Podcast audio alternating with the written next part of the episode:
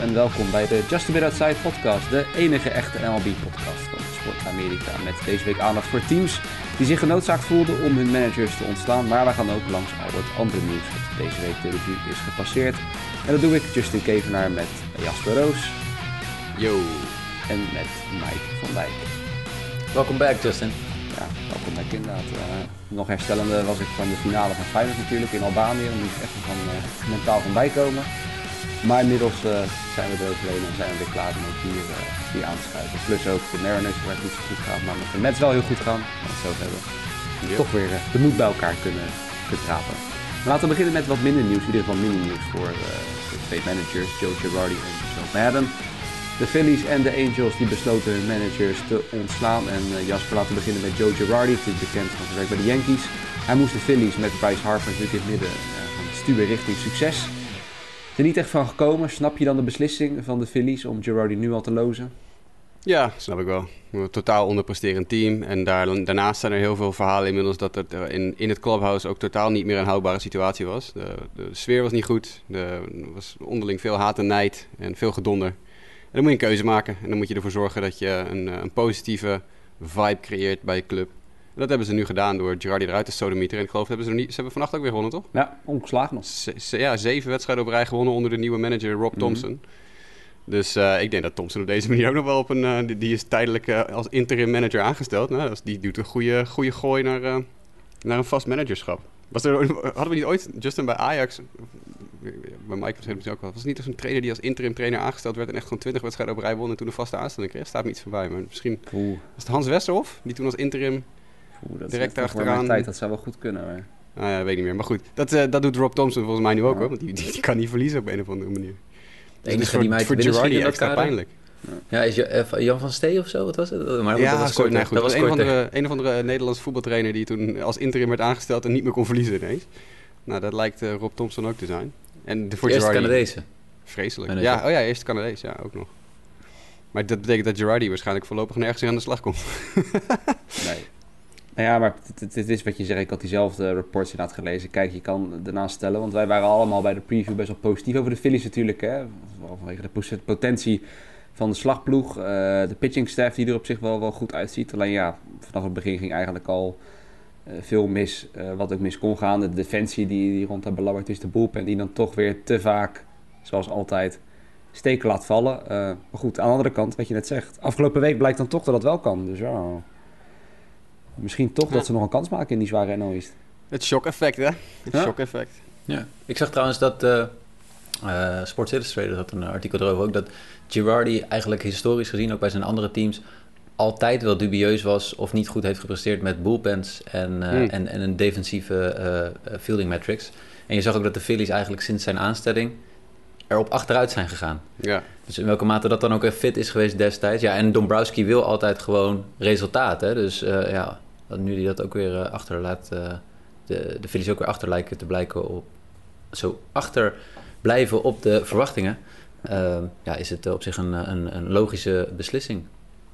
Ja, precies. Ik bedoel, Dombrowski is niet echt uh, dat hij bekend staat om het opbouwen van farm systems en dergelijke. Sterker nog, die, die verkoopt hij altijd om uh, het team goed, uh, goed neer te zetten. En dat is denk ik natuurlijk ook een punt dat hij meespeelt, hè, de Phillies. En dat is natuurlijk bij de Angels, waar we hierna naartoe komen, ook zo. Ja, twee teams met, die dik geld hebben uitgegeven aan bepaalde spelers. Er zit echt druk op om te presteren. En willen dan gewoon niet te lang wachten als het zo gaat zoals nu. Als wat jij zegt, Mike. Het gaat alleen maar achteruit eigenlijk sinds hij er is. Ja, en voor je het weet, Harper, oud is hij nu inmiddels? Bijna 30. Uh, ja, als die straks uh, 2,33 is en je hebt er geen één keer de play-offs mee gehad, is natuurlijk wel extra pijnlijk uh, geweest, die investering. Dus dat, nou, ja. Zeker ook omdat Harper natuurlijk als speler gewoon heel goed speelt nog steeds. Alleen ze mm -hmm. kunnen er gewoon niks omheen bouwen. Of in ieder geval niet een compleet team omheen bouwen. Het is altijd, eh, één ding springt er altijd bovenuit, vaak de offense. Uh, maar voor de rest is het jammer dat je bij zo'n speler... Het is een beetje dezelfde situatie als Trout natuurlijk. De beste ja. spelers van de league die je gewoon niet ja, in de play-offs krijgt. Ja. Vijf home runs deze maand alweer, hè, Harper? Ja, moet je nagaan. Ja. Nou ja, het zou me niks verbazen als hij in, uh, later deze maand een June Rewards Cards uh, Tops Now card wordt in uh, MLB The Show. Ja, precies. Op deze manier. Ja. Maar goed, het is wel een mooi bruggetje wat je dan net zegt inderdaad naar dus Mike Trout en de Angels. Want die hebben dus precies hetzelfde. Er zit veel druk op. Uh, moeten winnen. Begin dit jaar hadden we toch allemaal weer erover dat we elkaar een beetje naartoe begonnen te praten van... Nou, dit kan wel het jaar van de Angels toch wel worden. Hè? Want het begint steeds beter te worden. Maar dan uiteindelijk beginnen ze goed. En dan is er een gigantische losing streak, Mike. En dan moet Joe Madden toch het onderspit delven. En dat ze twaalf wedstrijden achter elkaar hadden verloren op dat punt. Ja, ook jou dezelfde vraag. Snap je dat de Angels na die twaalf wedstrijden hebben ingegrepen? Ja, het verwachtingspatroon is gewoon hoog in, uh, in LA. En uh, Madden heeft wel vaker streaks gehad waarin het dan misging en weet hij het clubhouse wel redelijk uh, los te krijgen. Maar uh, ja, de GM van de Angels verwacht gewoon meer. Kijk, ik bedoel, je ziet nu al in de stand redelijke tekening dat ze echt wel achterop de Astros beginnen te raken. Ja. En ja, gegeven de, het geld dat geïnvesteerd is, ja, is, er, is de panic button snel gevonden. Maar ik begrijp de keuze op zich wel. En nou ja, het is nog een, een, kortstondig effect gebleken. Want ik geloof dat ze sindsdien één wedstrijd gewonnen hebben. Ja, nou ja vannacht inderdaad. Vannacht hebben ze weer verloren. ja. ja. Ik ben wel benieuwd wie daar... De 14 game losing streak was het, hè, voordat ze wonnen? Of 15? 14? 14 ja, was nog iets met Nickelback, geloof ik, heb ik ook nog over voorbij zien komen. Dat ze Nickelback, alle spelers opkwamen met Nickelback muziek. Ja, ja jongens, allemaal als walk-up song en Nickelback liedje. Dat was een idee van de coachingstaf ook. De spelers hadden het niet zo bedacht. Dus dat is dan weer helemaal uh, extra pijnlijk. Dus er zijn spelers bij het team die niet eens weten wie Nickelback is. Uh, maar goed, dat is een ander verhaal. Hetzelfde verhaal ook een beetje als Girardi. Hè? Ook daar schijnt het uh, achter de schermen een beetje gerommeld te hebben met Madden die zich iets te uh, dominant opstelde af en toe en, uh, en niet mee wilde denken. En ook de uren voordat hij ontslagen werd, echt op een heel onsympathieke manier met de pers omging. Mm. Uh, dus een van die jongens, dat heb ik ook geretweet ook van mij, die, die postte een transcriptie van wat er, het, het, gesprek dat hij had met Joe Madden tijdens een persconferentie. En dat is echt, dat was overduidelijk een manager die wist dat zijn tijd gekomen was. Dus, uh, It's ja. the bottom of the ninth and we're never gonna win. Toch? Dat ja, was toch Nickelback? Is, ja. Het is, ja, inderdaad. Ah ja, natuurlijk. Uh, nice. Wow. Die zag ik een paar keer voorbij komen op Twitter. Ja, dat is waar. en die wedstrijd verloren ze ook. Ja, ja. ja. Met 1-0 geloof ik. Echt zo'n pijnlijke... Ja. Nee, dus ja, nee, Madden is denk ik ook wel klaar. Hè? Hij is 68 inmiddels. En uh, ik denk niet dat er heel veel teams meer zullen zijn die staan te springen om uh, Joe Madden aan te, aan te stellen. Nee, die natuurlijk, uh, laten we wel wezen, bij de Cubs het vrij goed heeft gedaan. Maar daar ook echt op een heel vrije manier om mocht gaan met, uh, met zijn managing en zijn, uh, en zijn teambuilding. Mm -hmm. En dat is bij, een, bij een, een, owner als bijvoorbeeld Artie Moreno van de Angels is dat altijd iets minder. Die meneer heeft wel zijn eigen visie op bepaalde zaken. Nou was het niet Moreno's idee om hem te uh, ontslaan, heb ik begrepen. Het was het idee van de Perry Manasian. Ja. Die in de auto zat onderweg van de piano recital van zijn kind of zo. toen, dat, toen die bedacht van, nou weet je wat, misschien moet ik de stekker er maar uittrekken. En, uh, en, toen heeft hij Artie Moreno gebeld en gezegd: hey, ik wil Madden ontslaan. En Moreno zei: alright, whatever. ja, dat was vijfde manager sinds Socia is opgestapt of zo. Vijfde ja. Angels manager. Dat is echt niet normaal. Ja. Ze gaan daar sneller door managers heen dan. Uh, nou ja, in dit geval is het argument dan misschien wel dat Moreno denkt van nou dan kan Menezien zijn eigen manager nu, uh, nu aanstellen. En natuurlijk wordt het dan wel pas begin van volgend jaar, maar dat hij dan denkt van nou dan kan hij echt zijn eigen guy halen. En, nou, zijn eigen guy heeft hij al. Ik bedoel, dat, dat, uh, Phil Nevin is een, uh, is een Perry Manasian hire afgelopen winter. Joe, Joe Madden had geen inspraak in wie zijn benchcoach werd. Okay. Uh, Perry Manasian heeft gezegd, ik wil, ik wil Phil Nevin, dat is mijn, de benchcoach. En. Joe Madden heeft het maar te accepteren. Dus nu heeft hij Nevin dan alsnog doorgeschoven. Um, dus nee, dit is, dit is Manasian's guy al, ja. ja. Dus een soort verlengde auditie kan je dit dan gewoon al alvast Ik denk dat het zeker is, ja. Ja. Nou goed, vannacht in ieder geval de reeks verbroken. Natuurlijk door niemand minder dan Shohei Otani, die uh, zowel aan slag als pitching uh, dominant was. Nou ja, dat is natuurlijk dan wel illustrerend dat ze hem nodig hadden om eruit te komen. Maar ja, het is wel bizar wat je zegt net, Mike. Hè. Ze stonden voor die losing streak stonden ze er goed voor. Gaan op een postseason plek. Maar sindsdien nu negen wedstrijden achterstand op de Astros. En staan ze eigenlijk uh, samen met de Rangers en Mariners dus op die 9 à 10 wedstrijden achterstand. Ik zie dat hier Fangraphs nog wel 25% kans geeft op de playoffs. Omdat ze denken van die drie teams wel de meeste kwaliteit zouden moeten hebben. Maar dat hebben we vaker bij de Angels gezien. Het komt er niet altijd uit. Dus uh, ja, benieuwd of Nevin ze wel uh, in ieder geval bij de Rangers en Mariners vandaan kan krijgen. En de Astros inhalen zal een lastigere kluif worden. Maar het is... Uh, wel, wel fantastische City Connect uniforms van de Angels. Dat zeker, ja. Die petten ook Die kwamen een paar dagen voordat Madden... volgens mij heeft Madden niet één wedstrijd mogen managen in die City Connect. Oh, wel? Niet, nee.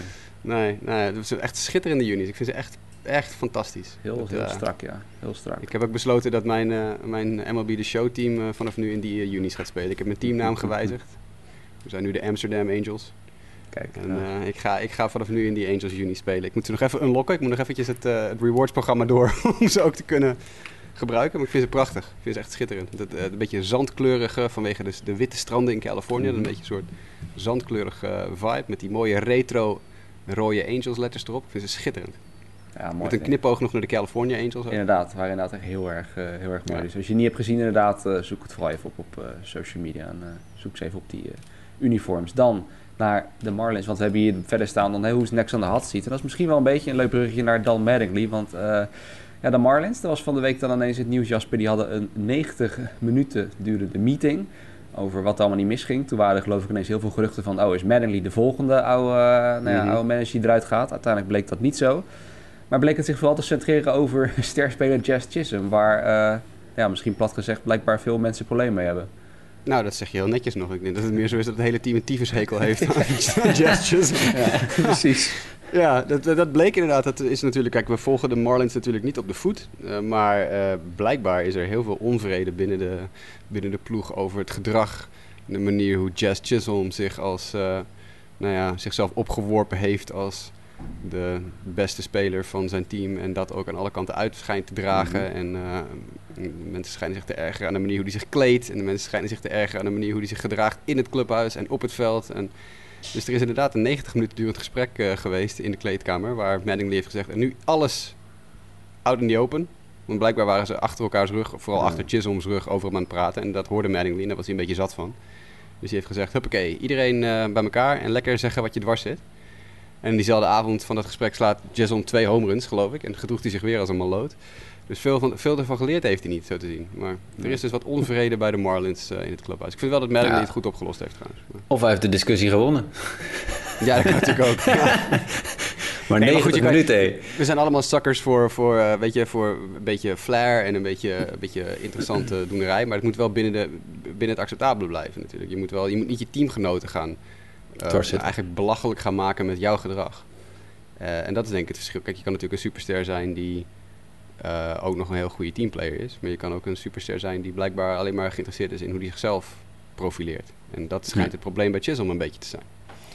Te veel eh, helium in zijn hoofd. Zo Ja. Nou ja, ik zag ook ergens een tweet, ik weet niet, van, dat was ik een van de volgers van de Marlins, die vergeleek het zelfs met eh, dat, dat iemand had gezegd dat het een beetje de Dennis Rodman begint te worden van, Ja. eh, van, van de Marlins, zeg maar. Maar ja, ik denk met Rodman was destijds, die had wel twee andere sterspelers boven hem, die dat nog een Mhm. beetje konden managen met natuurlijk de beste eh, ja, alle tijden eh, daarbij met Michael Jordan. Dus ja, dan kan het misschien. Maar als zo'n figuur dan ineens, en dat is later geloof ik ook in Rodmans carrière eh, gebeurd, een beetje zelf de leiding moet gaan nemen met dat gedrag, ja, dan, eh, Ja, dan wordt het een probleem. dan wordt het een lastige verhaal. En dan gaat het ook afleiden, Maar weet je wel. En de Marlins zijn nog niet zo'n super goede ploeg. Ja, ze hebben heel veel talent, maar het komt er nog niet echt uit.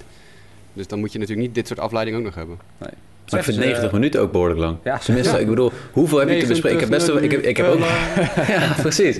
Nee, maar ik heb ook best wel wat... eh, tenminste, ja, ja, ik denk iedereen af en toe wel eens een keer een meeting heeft... of in de kleedkamer... eh, maar dat duurt nooit 90 minuten, dat kan ik je wel vertellen. is veel te, veel te veel over te praten. Dus ik vraag me af, of, ging, ging, ja, maar ging het alleen dan over Chisholm... of was er meer, Ja. meer eh, eh, te bespreken? Dat, eh, Volgens het, eh, het rapport van de Miami Herald ging het alleen over, eh over Chisholm. Ja, dat is wel heel bijzonder. En Maar, eh, de- ook even positieve noot.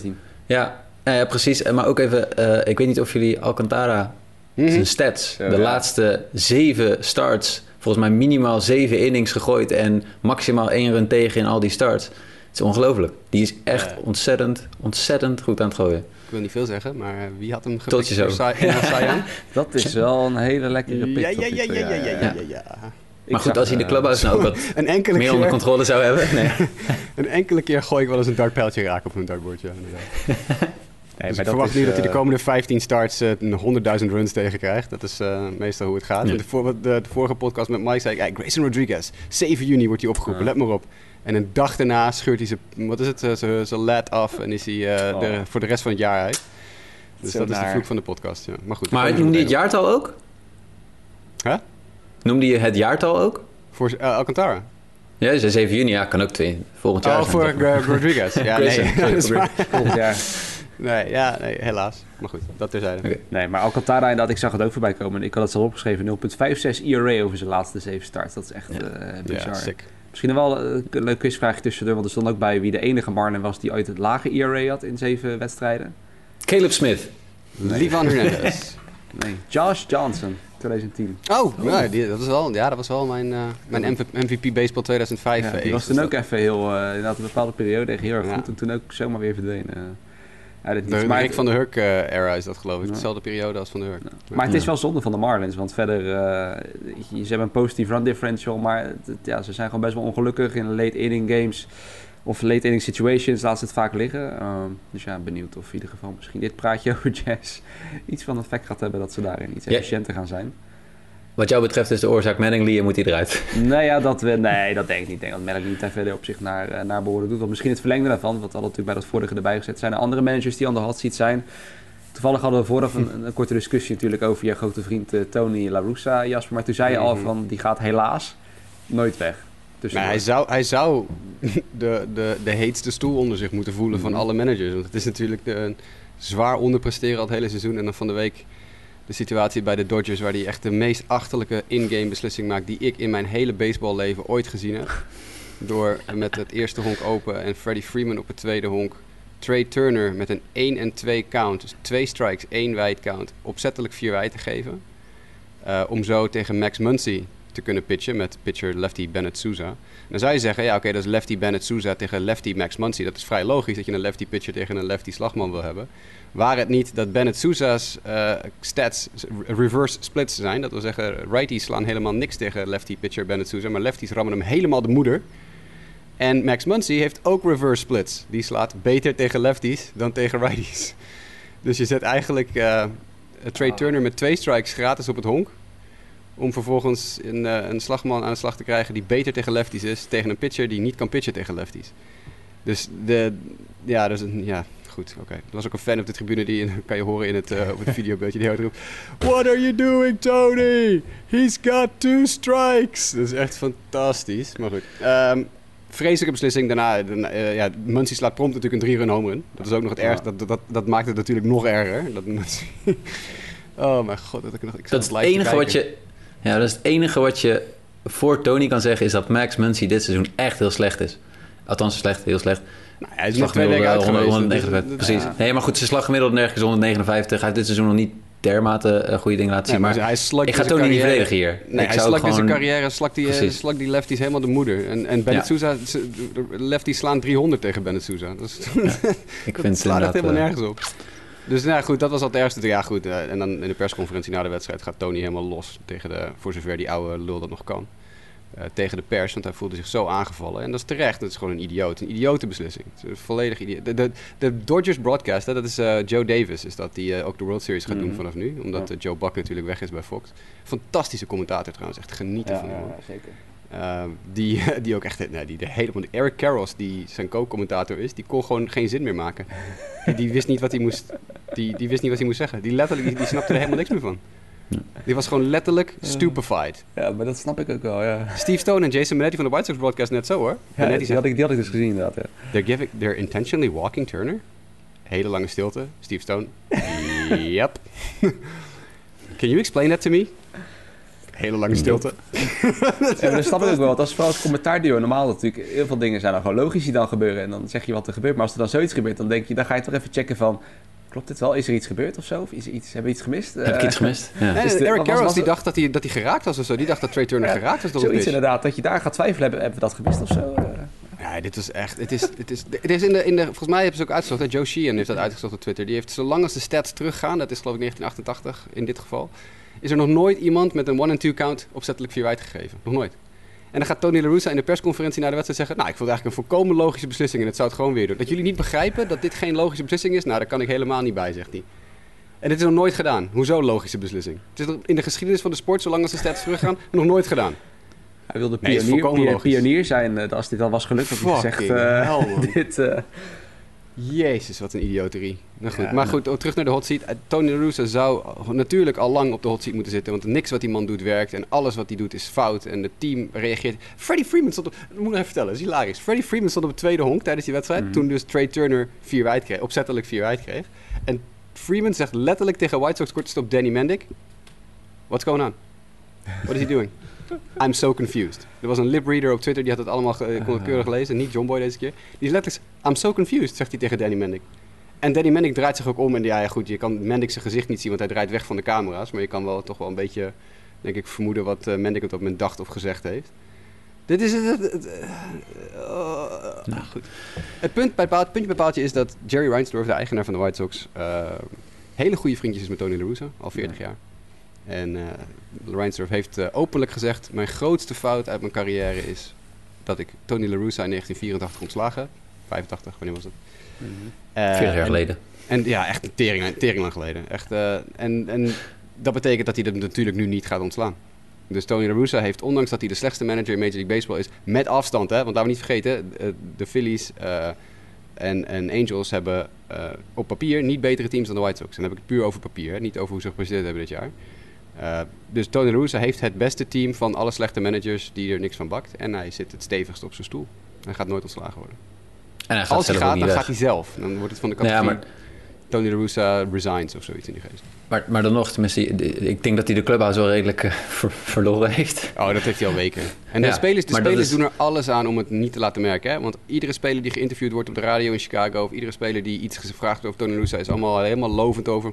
En Andrew Vaughn was vorige week op de radio... die zei, nou, deze man heeft meer, is meer vergeten over honkbal dan ik ooit geweten heb. Weet je, dat soort, dat soort cliché-uitdrukkingen krijg je dan. Dus Ja. in, de, in de openbaarheid vallen ze hem totaal niet af. Maar je zag aan Danny Mendick's lichaamsreactie... Aaron Bummer twee weken geleden in Toronto toen hij gewisseld werd... keek Tony La Russa niet eens aan toen hij gewisseld werd. Want ja, dat was een situatie waar Bammer nooit in de wedstrijd had gebracht mogen worden. Nooit. Dat was een volkomen achterlijke beslissing om op dat moment een werper in te gaan brengen. Ja, en Bammer wordt kapot gebeukt, wat iedereen zag aankomen, behalve Tony La Russa. Ja, Bammer keek hem niet eens aan. Dus je, je kan uit de lichaamstaal van de spelers op het veld merken dat ze totaal geen interesse meer hebben om voor deze man te spelen. Maar goed. Maar gegeven zijn standvastigheid ook in die call en daarna, zie ik niet eh, hem zeggen dat hij, het, eh, dat hij hier gemeen gaat stoppen. Hij gaat gewoon door. Dus, eh, Nee, dit, ik denk dat het tegenovergestelde gebeurt. Hoe harder die moet verdedigen, hoe fermer die blijft zitten. Ja.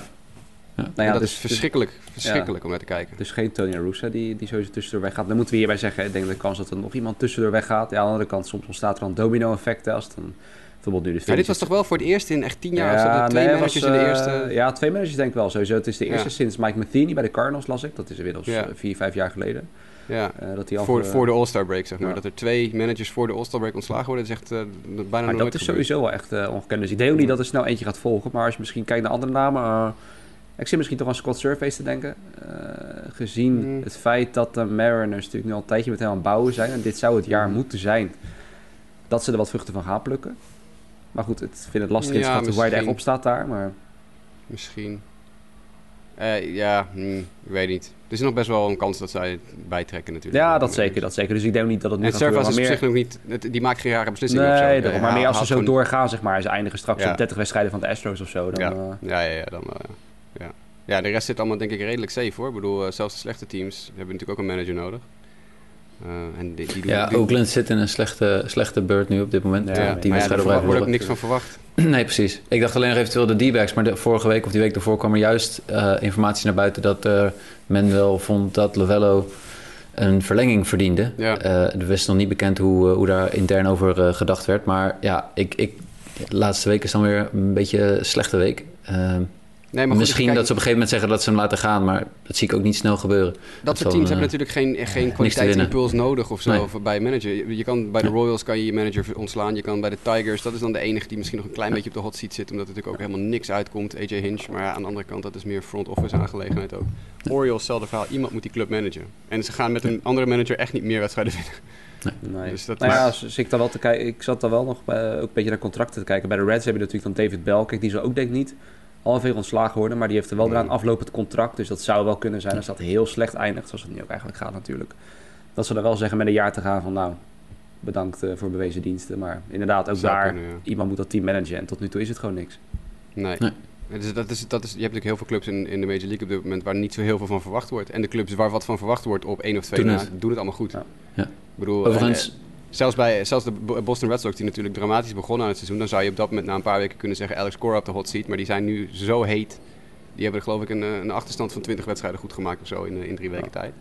Ja, en Dus, daar eh, zie je ook gebeuren wat we ergens ook al hadden verwacht. Nou, verwacht of in ieder geval hadden gezien dat dat wel mogelijkheid was. Is dat uit die divisie gaan gewoon straks wel... Op dit moment volgens mij zijn er vier teams die naar de playoffs zouden gaan. Of in ieder geval echt een Ja. reële kans hebben het te halen. Terwijl in de andere divisies, eh, eh, neem de Central... eh, daar vallen gewoon teams nu al onder 500 na de nummer 1.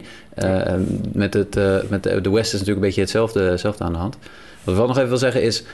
Tot nu toe, Buck Showalter, als je weer kijkt... hij goed. komt binnen, Ja. wat hij, wat hij, wat hij, ja, he makes it work. Het is echt ongelooflijk. Maar manager of the year, ja, dat gaan we nu nog niet uitreiken. Maar die- dit had ik niet verwacht, zeg maar. Nee. Dat hij, wat ik vooral hij zo aan de praat zou krijgen. Los van het feit dat Showalter natuurlijk oud is en of ouder is en waarvan we in eerste instantie denken van, nou ja, kan die wel mee in het moderne honkbal? Ik denk dat omdat Showalter natuurlijk jarenlang op televisie is blijven eh, komen als analist bij MLB Network, geloof ik, of bij ESPN, weet ik veel. Ehm, dat hij wel op de hoogte is gebleven van hoe het honkbal zich ontwikkeld heeft. Kijk, in tegenstelling tot bijvoorbeeld een Tony La Russa, die wel in baseball is gebleven, maar telkens in een soort functie hier en daar, adviseur hier, adviseur daar.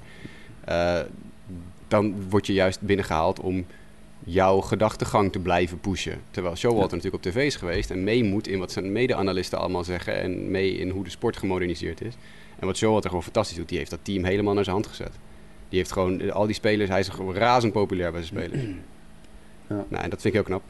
Nou, dat is misschien een mooi bruggetje. Dan slaan we even één dingetje over in de outline waar we zo op terugkomen. Maar inderdaad, New York, het gaat sowieso heel goed daar. De Mets die dus het beste zijn. Mhm. National League momenteel. De Yankees die rammen erop los. En die hebben dan ook gasten als Nestor Cortez. Die geloof ik nu zelfs ERA-leader is in de, in, de, in de American League. Dus ja, de Yankees en de Mets. ehm, kijk, het is natuurlijk te vroeg om nu te zeggen gaan we richting een Subway Series. Maar als er een jaar denk ik is om het te krijgen in de World Series weer.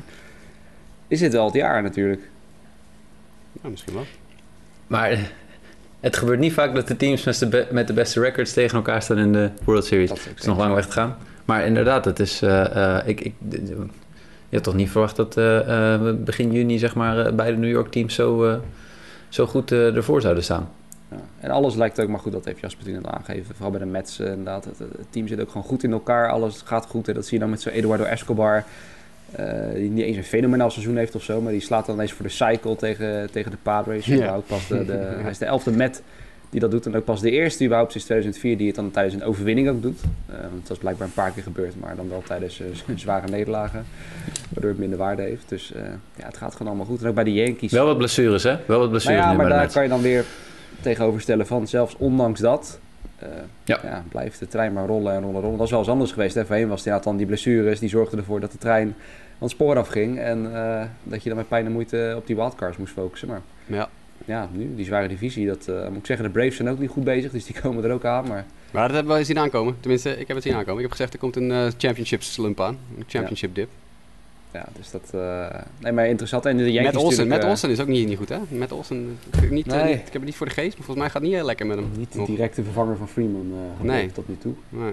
Maar dan die, en de Yankees natuurlijk, vooral Aaron Judge toch. Die, die is gewoon player van Ja. de maand eh, geworden. Dat slaat gigantisch goed. En wat ik zeg, die Nestor Cortez, die mooie snor. eh, ja, ik vind het wel mooi. Ja, we hebben goede snorren in de majors dit jaar. Ja. We, ja, we hebben er meerdere. We hebben Cortez, we hebben Dylan Cease, we hebben... Wie was er nog meer? Er waren nog één of twee. We vinden echt van, dit is, de Freddie Mercury snor is weer helemaal terug. Ja, ik kon net zeggen, we hebben het een van die laatste podcasts ook Porno-snor eentje voorbij. Ja.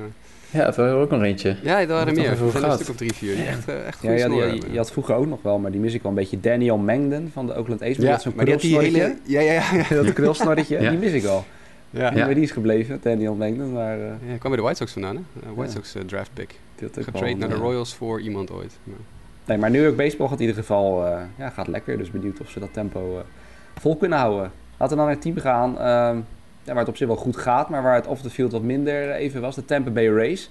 Altijd ook een team waar we veel sympathie voor hebben. Hè. Doen met weinig middelen heel veel en altijd leuke spelers en dat soort dingen. Maar van Hebben de wel week, Taylor Walls eh, een paar keer Nou ja, daarom, dus daar begon het al een beetje. extreemrechtse ideeën, maar... daar begon het al een beetje. En ehm, ja, ik weet niet of hij wat teamgenoten heeft, eh, heeft eh, wakker gemaakt in dat opzicht, zullen we maar zeggen. Maar er waren vijf pitchers van de week die tijdens de Pride Night, want het is natuurlijk Pride Month en de race die had een mooi regenboog-embleem en zo op de borst. Alleen, ja, Jasper, er waren En, en op de pet, en op de pet. En de pet. Schitterende pet. Ja. waren Ja. op de pet, maar er waren vijf werpers. ehm, die hadden daar niet zo'n zin in. En die zijn zelfs zo ver gegaan door die pets eraf te krabben. Of de af te slopen in ieder geval. En een andere pet op. Ze hadden hun standaard pet Ah. op in plaats van de pet met het regenbooglogo. Dat is eh, geen goede PR, zullen we maar stellen. Nee, die zijn ook behoorlijk aangepakt. dat is wel lachen, ja. Jason Adam deed het woord voor de, namens de pitchers, namens de vijf. Hm. Jalen Beeks, Thompson, Adam en nog twee. Ik heb even het lijstje niet voor mijn Eh, neus. Springs en Rayleigh Zieker. Ja, Brooks Raley en, eh, en, eh, en Springs inderdaad, ja. Eh nee, ja, je mag drie keer raden. ik heb niet opgezocht waar ze vandaan komen in Amerika. maar Je mag wel raden wat voor, wat voor huidskleur ze hebben. Ehm, die, het zouden we eigenlijk moeten doen. Wie, wie zoekt het op terwijl ik het Eh, ik, verhaal kan, ik kan wel even kijken. Kijk even waar ze vandaan komen, het is vijf. Dat is lachen. Ik heb dit niet opgezocht, maar ik heb zo'n vermoeden. Ik ga even kijken. Ehm, die, die Jason Adam die dus ja, zegt van nee, het heeft te maken met, mijn, met onze religie. Het is een religieuze keus. Wij leven ons leven volgens de Bijbel. En in de Bijbel staat dat, uh, nou dat het geen goede levenskeuze is. Ook nog dat is een keuze volgens hem, een lifestyle had hij het over. Uh, dan ben je in 2022 zijn er nog steeds mensen die denken dat homoseksualiteit een lifestyle is. Maar goed, dat is uh, dat geheel terzijde. Ehm, ja, dat was dus, ja, een bespottelijk idee natuurlijk weer. Want ja, laten we vooral selectief uit de Bijbel dingetjes gaan halen. En daar dan zo kinderachtig zijn om een patch van je arm af te halen. De Bijbel staat ook, uh, thou shalt not kill. En ze dragen ook wel gewoon op Armed Forces Day ook gewoon de legerkleuren. Dus uh, ja, er is een beetje hypocrisie, uh, hypocrisie is er wel. Maar goed, dat zijn dus de Tampa Bay Rays. Die hebben, zijn dus behoorlijk afgezeken en dat is terecht. Dat is heel vermakelijk altijd. Als het een keer niet een club is. Toe Arkansas, North Carolina. Ja. Yep. Arkansas, check, check. Arkansas check, nog een keer. Check. Texas, Minnesota heb ik nog? Texas. Texas had ze flats. Uh, en de, e ja, de enige outlier is dan Ryan Thompson. Die komt uit Oregon. Dat is toch vaak wel ja. een uh, progressief. Ja, dat is wel vrij progressief, ja, ja. Dus dat is dan de enige outlier. Maar Arkansas, Arkansas, North Carolina en Texas, dat lijkt me wel... Uh, ik denk dat niemand daar verrast over is. Ja, maar ik vond ook, ook op Twitter dat ik alweer zo'n reactie zag van... ah ja, de, de, de Bijbel en het Nieuwe Testament waar Jezus praat over Pride Month. En, ja, ja, en dat hij dat helemaal niks vindt en regenbooglogo's, ja. Denk, oh, het is zo tenen het was, Nick, ja, het was inderdaad Nick Anderson, die, was, die staat op de interlist, die was inderdaad nog overheen gegaan met, met een tweet van... Het betekent niet dat we een uh, hekel hebben aan, uh, ja, oh, aan deze mensen en uh, we moeten, ze moeten weten dat we ook van hun houden. En ik denk, ja, god, het is allemaal zo, het is altijd maar weer van val ons niet aan, waarom is de, de haat zo fel vanuit jullie? Wij hebben iedereen lief. Ik denk, nou ja, als je iedereen lief hebt, joh, hou dan gewoon dat petje op en... God, we hebben het over. Waar komt Nick Anderson vandaan? Oh, Minnesota, volgens mij. Ja, dat is niet, ja. Uh, ja, dat schiet niet op. Nee, maar het is... Nou ja, uh, maar dan nog vraag was, me af. Ik bedoel, ja, ja, goed, ik ben benieuwd wat de race nou uiteindelijk daar wel mee gedaan hebben. Maar niks, goed, dat, helemaal niks. Nee, Kevin, Nee, ja. Kevin Er is, er is in de kleedkamer... Maar ook MLB niet, hè? En dat vind ik dan eigenlijk ook wel weer Ja, precies. teleurstellend. Tuurlijk. Het is toch gewoon... ge- Ja, goed. oké. Maar ze hebben er in de kleedkamer over gepraat. Het schijnt best wel een stevig gesprek te zijn 90 geweest. minuten lang. Nee, geen 90 minuten, maar er is wel over gepraat. Maar ja, goed, ja, het is natuurlijk een, het is een enorm slappe hap. Dat, eh, eh, Matt Spiegel op de radio Chicago had het er ook van, van de week. En die zei, eh, blijkbaar is het dus een keus om zo'n patch te dragen. Of om, om zo'n petje te dragen. Ze hebben dus die jongens blijkbaar een keus gegeven. Ja. Maar bij Armed Forces Night en zo is het allemaal geen keus. Dan hebben ze ze allemaal wel op. Dus dat zou dus ook betekenen dat iemand die niet een legerpetje wil dragen tijdens Armed Forces Night, dat hij dat dus ook niet zou mogen doen. Maar dan moet je, moet je bedenken wat voor shit je over jezelf heen krijgt als Ja. pitcher in Amerika of als speler als je, als je je legerpakje niet aandoet. Maar dit zijn vijf bullpen guys, toch? Even, Ja. Gewoon even, eh, Ja, lijkt me een dus leuke, lijkt me een leuke boelpen om in te zitten trouwens. Nou, ja. nee, maar ik kan, ik kan me heel goed daar- voorstellen dat ze het... Ik, ik, ik, ik kan me eigenlijk ergens in de, in de warming-up of hoe dit dan naar de wedstrijd toe gaat. Ik, als coach weet ik niet hoe je hier niet van op de hoogte bent. Of dat dat gewoon gebeurt in de boep en op dat moment van... nou, dit ga ik niet doen. Of dat, dat het dan daar gebeurt, zeg maar. Wanneer, wanneer Ja, dit constateer hebben je ze van tevoren natuurlijk bedacht. Dit is een aangekondigde eh, Pride Night actie. Dus ze hebben natuurlijk van tevoren bedacht, dat ga ik niet doen. Maar ja, het is, ja, het is ook zo krom. Het zeggen van, ja nee, we steunen deze mensen wel. En we vinden dat iedereen moet kunnen zijn wie die is. Maar, maar... Oh mijn god. Nou, ja. Laten we hopen dat dit soort jongens eh, snel uit de Major Leagues verdwijnt. Ja. Nou ja, Aan de andere kant is het ook prima. Het is heel goed dat dit juist weer eens aan de orde gesteld wordt. Hè? Want we, dat we niet vergeten dat honkbal helemaal, of Amerika of als, als de sportwereld helemaal nog niet zo ver Ja. gevorderd is als iedereen altijd hoopt. Nee, Ja. zeker. Zeker, dat is ook alweer, eh, ook alweer zo. Laten we dan voor eh, verder gaan naar wat meer echt sportieve nieuws. Jordan Alvarez was van de week in het nieuws, eh, Michael. Die heeft een, dikke contractverlenging gekregen in Houston. En eh, nou ja, waar ze bijvoorbeeld afgelopen zomer niet Correa wilden behouden... hebben ze wel nu alles eraan gedaan om eh, Alvarez binnen te houden. Ja, zes jaar, 115 miljoen. Ik vond het niet heel veel geld. Maar dat is misschien... Ja, het is, het is aardig. aardig is ook ja, maar ja, voor die ja, rookie- ja. 115 miljoen, Mike van Dijk komt er niet zijn bed vooruit. Ik had gisteravond niet veel geluk met de staatsloterij. ik kwam er niet, kwam er niet eh, goed vanaf. Nee, maar eh, eh, we hebben het hier over iemand die Rookie of the Year was. Die eh, vorig jaar ook echt ontzettend goed eh, stond te spelen. Eh, het tweede seizoen was natuurlijk wel iets, iets, iets minder. Maar het is iemand van 25 jaar... die nu eh, eigenlijk in zijn, zijn prime years... een zesjarige contractverlenging tekent voor 115 miljoen. Ik zeg niet dat het een, eh, een goedkope deal is... maar ik denk dat de Astros wel een goede speler hebben... voor de komende zes jaar... die ze niet... waar ze niet zeg maar helemaal tot de max hebben hoeven gaan. Maar misschien dat mijn beeld daarin. En het is inderdaad, ik bedoel, het is een, aanvallend is het denk ik een van de beste spelers. Ik, ik zag zelfs, ik heb niet echt kunnen uitvinden wie er nou nog boven stond, maar dat geloof ik sinds hij gedebuteerd is dat hij in ieder geval in, qua offensive war de tweede be- beste speler van de majors is. Ik kon even niet vinden wie er boven stond. Eh, ook niet toen ik even... maar is, is, een, is een iets minder dan 20 miljoen per jaar dan weinig geld? Of veel geld? Ik vind het. Nou, ik vind het... Fair? Het is, het is, ja, je zou kunnen Ja, zeggen iemand met zijn productie, maar het is ook niet dat hij, hij heeft niet heel veel eh, track record al. Hè. Hij is een tijd geblesseerd geweest natuurlijk Dat op een gegeven moment, vor- vorig jaar of twee jaar geleden. Ja, vooral de knie, Ja, ja, knieproblemen natuurlijk. Hè? Dus dat is inderdaad, Ja, dat, dat, dat werd ook gesteld. En hij is inderdaad, ja. eigenlijk het, in het veld. Dit is geen goede outfielder. Nee. Dus het is, Nee. je, je koopt hem voor, voor zijn knuppel. Het Ja. is een hele goede DH. Maar deze jongen is wat 25 en die is op zijn 25ste eigenlijk al min of meer een fulltime DH. Het- hij kan wel het veld spelen hoor. Net als Kyle Schwarber ook gewoon het veld kan spelen. Maar Ja. weet je, keuzes? Ja, ja. ik zou hem liever niet in het veld zetten. Als ik eerlijk Ja. ben. Maar als, als, als eh, eh, fan van de Astros denk ik wel van... nou, leuk dat je die speler in ieder geval de komende zes jaar eh, in je Oh, weet te houden. ja, en dat hij ja, niet via de free agent Ja. market, zeg maar... de greediness van agents... eh, dat je dan ergens anders komt, eh, komt te spelen. Dus En het is ook niet zo, het is, het is geen rare deal. Het is geen Ozzy Nee. Albies, Ronald Acuna-achtige vergelijking of zo. Hij heeft gewoon wel, Nee. wel geld gekregen. Nee, precies. Ja. Nee, dus goede zaak van de, van de Astros dan. Dan een eh ander soort zaak, een rechtszaak in Baltimore. Dat ik toevallig voorbij zag komen. Ik had eigenlijk niks over meegekregen, maar ik zat even door te, te scrollen en toen kwam ik het tegen. En het is denk ik wel weer illustratief voor ehm, ja, hoe bepaalde teams gerund worden en waar het bij de een wat, wat, wat vlekkelozer gaat dan bij de ander, Jasper. Want eh, nu de Orioles, een van de zoons van, eh, van de eigenaar daar, de Angelo's familie, die klaagt nu zijn broer aan omdat hij te veel macht neemt eh, binnen het team. En ja, het is eigenlijk gewoon één grote shitshow. Is dat typerend, vind je, voor hoe Baltimore in die organisatie gerund wordt? Nou, vooral de Angelo's familie. Die zijn volgens mij niet zo heel populair. Dus eh, het is gewoon een heel rare familie. Ja. Het is eh, het prototype eh, te veel geld hebben je hele leven en niet meer weten wat je van gekheid er allemaal mee aan moet. En ze hebben toch ook toen een tijdje geleden die rechtszaak tegen M. Masson of zo, tegen dat televisienetwerk gehad of zo. Daar was ook iets mee. Dat, Zou kunnen. ook gedonder mee. Dus de Angelos familie, die, die staan er al niet heel goed op in baseball. Ze zijn natuurlijk wel langdurig eigenaar van die, van die club.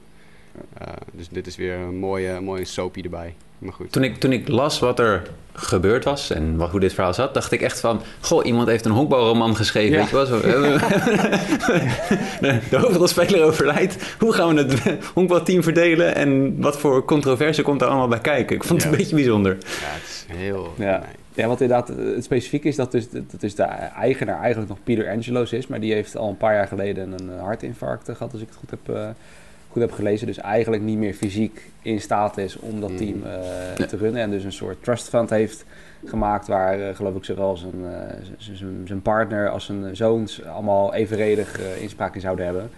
Alleen waarbij de ene zoon nu dus, eh, nu dus zegt dat de andere zoon, die in Tennessee gebaseerd is, eh, van ja, hij, nou, hij trekt ineens alles naar zich toe, terwijl hij nooit wat mee te maken heeft gehad. En hij is ook van plan om het team uiteindelijk naar Tennessee te, te vuizen. En Ja. dan gewoon niet meer naar om te kijken en het eh, daar lekker te laten spelen. Dus dat, eh, ja, het zal- Dubbele agenda, Ja. halve waarheden.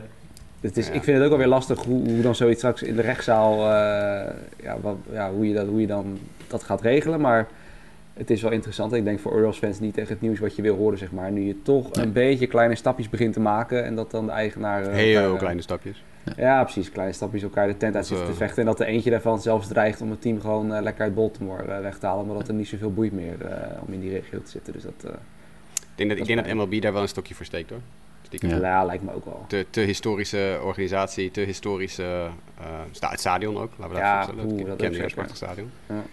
Eh, dus ik denk als dat team ooit verhuisd wordt, dat er dan wel vrij snel weer een team in Baltimore bij komt hoor. Dat, eh, Ja. dat is een, echt, een, echt een honkbalstad. Dus laten Dat we klinkt als een goed vervolg. Dat, ja. Waar ze het stadion aangepast hebben, dat, eh, dat- die nieuwe outfieldmuur, dat, is echt, eh, dat, schiet, dat schiet echt niet op. Dat, ik denk dat dat niet een hele goede keuze is geweest, door die Nee, outfieldmuur zo dat, ver eh, naar achter te zetten. Dat, daar word je niet heel veel, niet heel veel vrolijker van. Dat klopt. Ze hebben eindelijk, eindelijk in MLB de Show hebben ze het stadion ook aangepast. Nou, ik, ik sla geen home run meer, kan Ik wil net zeggen, dat is voor de pitching goed, maar Nou. Voor de offense wat, eh, wat minder. En Adley Rutschman eh, gaat ook niet zo heel lekker daar. Dus eh, de Orioles fans hebben niet, niet heel veel om naar uit te kijken. Nou ja, natuurlijk, Rodriguez. Dus, Rodriguez. ja. geblesseerd. Dus, Wat een- oh, ik was zo gefrustreerd. Ik stuurde Mike ook een appie van, dit is echt... Ik, dit is echt, ik zei het in de vorige podcast ook, dit is nou een, een speler waar ik enorm naar uitkijk. Waar ik echt, dit is weer zo'n nieuwe. Hè, ik heb het eerder dit jaar bij de preview podcast volgens mij op een gegeven moment gezegd eh, over Max Meyer ja. bij de Marlins. Grayson Rodriguez, hetzelfde niveau. Als op het moment dat zo'n jongen naar de majors komt, dan ga ik niks anders doen dan die gast kijken. Eh, Bobby Miller bij de Dodgers, hetzelfde verhaal. 102, 103 mijl per uur, kan, kan niet wachten. En dan krijg je dit. Dan, en zijn laatste, allerlaatste start voordat hij eh, opgeroepen wordt in principe. dan scheurt hij zijn, eh, zijn lat af. En dat is ja, brutal. Echt Dat is brutal. triest, ja. Dat is triest, ja. Wat ook triest is eigenlijk, vind ik wel een beetje, maar ik weet niet wat jullie daarvan vinden, is dat Angel Hernandez weer een... eh, ik weet niet of ik weet niet, kan, is hij nou echt ook weer een nieuwe zaak begonnen of is het alleen maar dat hij nu ze beschuldigt? Want nu is dus, hij heeft natuurlijk al eerder een zaak aangespannen dat, dat hij en minorities te weinig kansen kregen in MLB. Nu beschuldigt hij ze dat, dat ze de rapporten eh, manipuleren, waardoor hij en andere minority eh, umpires er slechter vanaf komen dan dat ze daadwerkelijk zijn. Nou weet ik niet, is hij nou ook echt weer een zaak begonnen nu of is het gewoon dat hij dit de wereld in, in verspreidt en hoopt dat hij medestanders krijgt? Het maakt ook allemaal niks uit, jongens. Dit is, dit is gewoon... Wij, wij hebben allemaal ogen. Hij kan roepen wat hij wil over slechte rapporten, dat ze de rapporten uit manipuleren. We hebben Ja. allemaal ogen. Wij zitten allemaal die bizar. live-wedstrijden te kijken. We hebben Twitter, we hebben, we hebben Reddit Baseball, we hebben dus, dus alle social media dingetjes waar we op kunnen kijken wat, wat Angel Hernandez doet. Wij hebben allemaal ogen. Wij hoeven die rapporten niet te zien. Wij weten dat Angel Hernandez een fucking slechte scheidsrechter is. Toch? Ja, tenminste, ik, ik, ik- wat ik van het artikel wat ik even las, was volgens mij ook dat de, hij het is een, eh, een lagere akkoord waar het op dit moment ligt. Dus Ah, niet alle stukken worden ook publiekelijk eh, bekendgemaakt. Maar ik begreep ook dat in de rapporten die hij had aangeleverd, ik geloof ik maar twee fouten of zo had. Maar nou goed, Ehm, het is onduidelijk. Maar volgens mij is MLB, doet MLB de, zijn best om juist ook- minority umpires steeds meer kansen en mogelijkheden te bieden. Ah, ja, goed, eh, ehm, als dat hierdoor meer toeneemt, dan denk ik dat dat alleen maar iets is om, eh, om toe te juichen. Maar Angel Hernandez speelt wel steeds deze rol. Ik weet het niet. Ja, het is, het, het is heel Eh, bizar. deze kant. Want ook Ja. wel, ja, wat Jasper net zegt inderdaad. We hebben allemaal ogen. En Ik weet alleen niet hoe het met de ogen van Angel staat, maar... Ja, maar het gaat hem niet alleen om hemzelf. Hè? Ik bedoel, hij, hij Nee, kaart natuurlijk een, een breder, een breder probleem aan waar, Ja, waar ja, de- dat van hij vindt dat er moeten dan- veranderingen komen. Het is misschien Ja, dat voor die zaak niet zo goed dat, dat dit de man is die het het, dan die doet, het aankaart, ja. zeg maar. Want inderdaad, wat Ja. Jasper zegt, je hebt natuurlijk al die accounts. En Ja, zelf ik geniet ik ook altijd van wel, welcome to the Amp Show. En dan zie je ook Angel Hernandez wel elke week eh, minimaal twee keer voorbij komen dat hij weer iets, iets raars doet of iets geks. En, Ik, de- ik weet niet of, het- of die een punt heeft hier persoonlijk. Want ik, ik kijk, ook- we volgen ook allemaal op Twitter eh, sco- umpire scorecards en zo. En ik, ik zie net zo vaak eh, niet minority scheidsrechters langskomen met echt dramatische optredens. Dus, weet je, het is... ja, op die manier. Ja. de, enige, de enige probleem dat er met scheidsrechter is, is hun leeftijd. Je ziet, naarmate ze ouder worden, worden ze steeds slechter. Dat is eh, een logisch Het is het gevolg. zo. Over gesproken, hebben jullie de Joe West podcast al geluisterd? Iets heel anders. die heb ik tot nu toe nog even eh, voorbij laten gaan. Ja, ik heb, hem, ik heb de eerste vier afleveringen geluisterd. Ja, hetzelfde verhaal is al drie keer teruggekomen. Hij heeft al- hij heeft drie keer hetzelfde verhaal verteld. Maar eh, nee, het, is, het Maar hoe, wel- hoe, hoe, hoe rate je de podcast? Ja, dat is wel oké. Het is, eh, de eerste aflevering was met... eh, ehm, hij hij co-host het met iemand, hè? dus het is een journalist die hem, eh, die hem helpt met het doorheen praten. Dus eigenlijk meer... Joe, Joe West is er eigenlijk als soort als eerste gast. En er is altijd een tweede gast. Ja, en dan... eh, wie hebben we gehad allemaal? Oh, Mark Grace hebben we gehad. Dat was de eerste gast. Ik denk van, oké, Ja. van alle mensen die je als eerste gast kan krijgen... de gast die al een paar keer gepakt is met alcohol achter het stuur... en die racistische shit gezegd heeft. Ja, Mark Grace lijkt me hartstikke goed idee. Scoor je wel mee. Maar ja, nou ja, goed. Het was wel een vermakelijk interview op zich. hoor. Grace die kan ook wel leuke verhalen vertellen. En die heeft natuurlijk dingen gedaan allemaal. Ja. Ja, dus het is op zich als verhalenverteller heel geinig. Eh, en wie hadden ze van de week nou? Even kijken. Ehm, je- Jerry Reinsdorf, de eigenaar van de White Sox. Die heb ik Ah. nog niet geluisterd. Dat durf ik nog niet aan. Oh, dat kan er niet tegen. Even kijken, wie hebben we allemaal gehad? Eh, oh ja, baseballwriter Rick Hummel, Mark Grace, eh, Eduardo Perez van ESPN. Leuke aflevering. Eduardo Perez is natuurlijk een hele sympathieke gast. Vier keer, viervoudig Super Bowl kampioen Ronnie Barnes. Geen idee waarom, wie Ronnie Barnes is en geen idee waarom je een Super Bowl kampioen in een honkbalpodcast wil hebben, maar dat is een ander punt. Nee? En dan de meest recente was inderdaad eh, Bulls en White Sox eigenaar Jerry Reinsdorf. Hm. Eh, het, is, eh, nou, het, is, het is vermakelijk. Het is, mocht, je, mocht je denken van, hé, hey, ik ga lekker naar de Joe West luisteren die drie keer hetzelfde verhaal vertelt. Zeker doen. Maar dat Nou ja. even terzijde. Toch, wel, toch een mooi tipje voor de luisteraars, zo gratis en voor niets. even tussendoor. Dan eh, door naar wat laatste nieuwtjes. eh, nog wat transactions die we hadden. Allereerst eh, Dallas Keuchel. Natuurlijk niet veel verrassend dat hij wegging bij de, bij de White Sox. Maar eh, de een zijn probleem is nu de ander zijn probleem, zullen we maar zeggen. Want hij is weg bij de White Sox. En hij gaat naar Arizona, Mike. We got him, baby. Yeah. Zit hij zit in Reno, toch? Of niet? Ik heb eh, toevallig ook even vanmorgen even gekeken of je al gegooid had. Dat is nog niet het geval geweest. niet het Tenminste, niet in een wedstrijd. Oké. Ik moest zo vreselijk lachen toen dat gebeurde. De White Sox DFA'de dus Dallas Keuchel, wat echt, al- echt long overdue was. Want godverdorie, wat kan die man niet meer gooien. Mhm. Ehm, ik zit dus in die, eh, in, ik schrijf voor Future Socks, hè, dus we hebben dus bij Future Socks Socks Machine hebben we zo'n zo'n Slack groep. En een van de eerste jongens die dat post, die stuurt in de Slack, die zegt eh, Dallas Keuchel uh, to the Diamondbacks. En de eerste reactie van hoofdredacteur James Fox was: To do what? dat vond ik wel echt Zo van even, nou, gaat hij, gaat hij het veld vegen? Gaat hij de dugout schoonmaken? Wat gaat hij? Hij gaat toch niet pitchen daar? Pitching coach. Uh... Holy shit, man. Ja, maar hij heeft wel dus weer hij gereunite met zijn oude pitching coach hè, bij, uh, bij uh, Houston, Brent Strom. Ja. Was de, de, man die hem naar zijn Cy Young Awards heeft geholpen. Dus,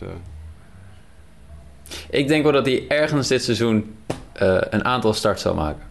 Ja, en dan eindigt hij het jaar met een ERA van 7.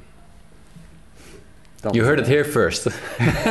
ja. die 85 mijl per uur fastballs van hem, dat, uh, dat gaat niet worden. Nee, maar ze gaan het ongetwijfeld uh, uh, wel ergens met hem proberen. Kan niet anders. Ik denk niet dat hij is gekomen om alleen maar in, in Reno nou, te blijven zitten. Maar we gaan het zien. Hij, hij, hij zal wel iets moeten laten zien voordat hij... Nou... Volgens mij, Dennis ja. volgens mij in het offseason zit hij altijd in Arizona. Zit hij altijd in Phoenix. Ja. Dus volgens mij heeft hij gewoon een huis daar. En, uh, en is, heeft hij zoiets gedacht van, nou, ik kan nog een klein beetje geld verdienen... En terwijl ik uh, mijn, eigen, mijn eigen bed kan slapen. Dus ik denk dat dat het ook een beetje is, hoor. Ja. Nou, we gaan het zien. Dan een ander, uh, andere oldtimer, Robinson Cano. die was natuurlijk naar Padres gegaan. En die is toen released. Nu lees ik alweer dat hij een minor league deal heeft gekregen. Hij wilde eerst niet naar de minors toe, maar ja, blijkbaar Mike heeft hij niet echt iets beters kunnen vinden. Dat nee, hij dacht, nou, ik ga toch maar naar El Paso. Precies. Nou ja, goed, ik geloof dat hij uh, drie singles heeft geslagen in 33 at-bats uh, voor de Padres. Hmm. Dus hij was niet echt helemaal uh, de fit die ze zochten. Maar goed, nee. hadden we ook zien aankomen. Ik kan het zeggen, het is ook gewoon klaar toch? Ja, 39 ja, jaar. Denk en, ik ja, ook. Goed, dan snap ik wel dat de Padres dan zeggen van... joh, wil je echt niet naar El Paso komen? Gewoon misschien om te kijken of er toch nog iets, iets gebeurt. Maar ja, kan dat me echt niet... Verkoopt wel heel veel kaartjes, denk ik. Nou, weet ik eigenlijk niet eens. Ga ja. zou, je even een triple-A-wedstrijd naar voor Robbie Cano naar een Triple-A-wedstrijd gaan van El Paso? Ja, ik Zo, je woont in El Paso? Ja, ik wil net zeggen, kijk, ik zou, niet, uh, gaan, ik, ik zou ja. niet speciaal voor naar El Paso gaan rijden als ik een paar staten verderop ben. Maar als je er bent, ja, dan zou ik, zou best een paar keer gaan kijken, gewoon voor de gein. Maar niet specifiek voor hem, nee. Ik wil net zeggen, dan zou ik denk sowieso wel uh, wat... Uh, wat wedstrijdjes gekeken. En Mike, je had Shelby Midder erbij gezet. Dat over een ja. gesproken die ik helemaal was vergeten, maar niet zo weer terug. Ja, ik heb het ook even uh, opgezocht. Ik zag het staan. Hij is nu uh, uh, hij heeft getekend bij... Oeh, dan ben ik dat even kwijt. Ik heb vooral gekeken naar zijn minor league stats. Ja. Hoi. Uh, bullpen help moet hij gaan bieden in... Spannend. Help me uit. Oké. Okay. nou, ik heb in ieder geval gekeken naar hoe, hoe, hoe hij het heeft gedaan de laatste seizoenen. En dan zie je eigenlijk dat hij... Uh, niet goed is. Oh. Niet goed is. Nee, dus daarom verbaasde me. Want ik, hij heeft de laatste twee seizoenen wel enkele keer bij Chicago, bij de Cubs en bij de Blue Jays is hij op het hoogste niveau geweest. In Triple A had hij nu redelijk gegooid, is. Maar ik verbaas, het, het verbaast me dan toch... Giants, de Giants, ja. ja, die hadden bullpen help nodig. Uh, het verbaast me dan toch dat teams dan wel bij hem weer soort van uitkomen... en dus nog steeds ook wel dingen in hem zien. Uh, terwijl als je gewoon naar de statistieken kijkt van de laatste drie, vier seizoenen... ook wat hij in de minors laat zien... ja, een beetje triple-A-pitcher is... Uh, maar iedere keer als hij in de majors komt... komt het er niet uit, zeg maar. Dus ik, uh, ja, ik, ik wonderbaarlijk hoe lang hij eigenlijk blijft rondzwerven. Ja. Nou, hij heeft dit jaar zie ik inderdaad vooral bij de Yankees, bij Scranton heeft hij uh, inderdaad... Een paar, 21 innings geloof ik, ja, toch? Een paar saves genoteerd, op zich een aardig ERA, maar...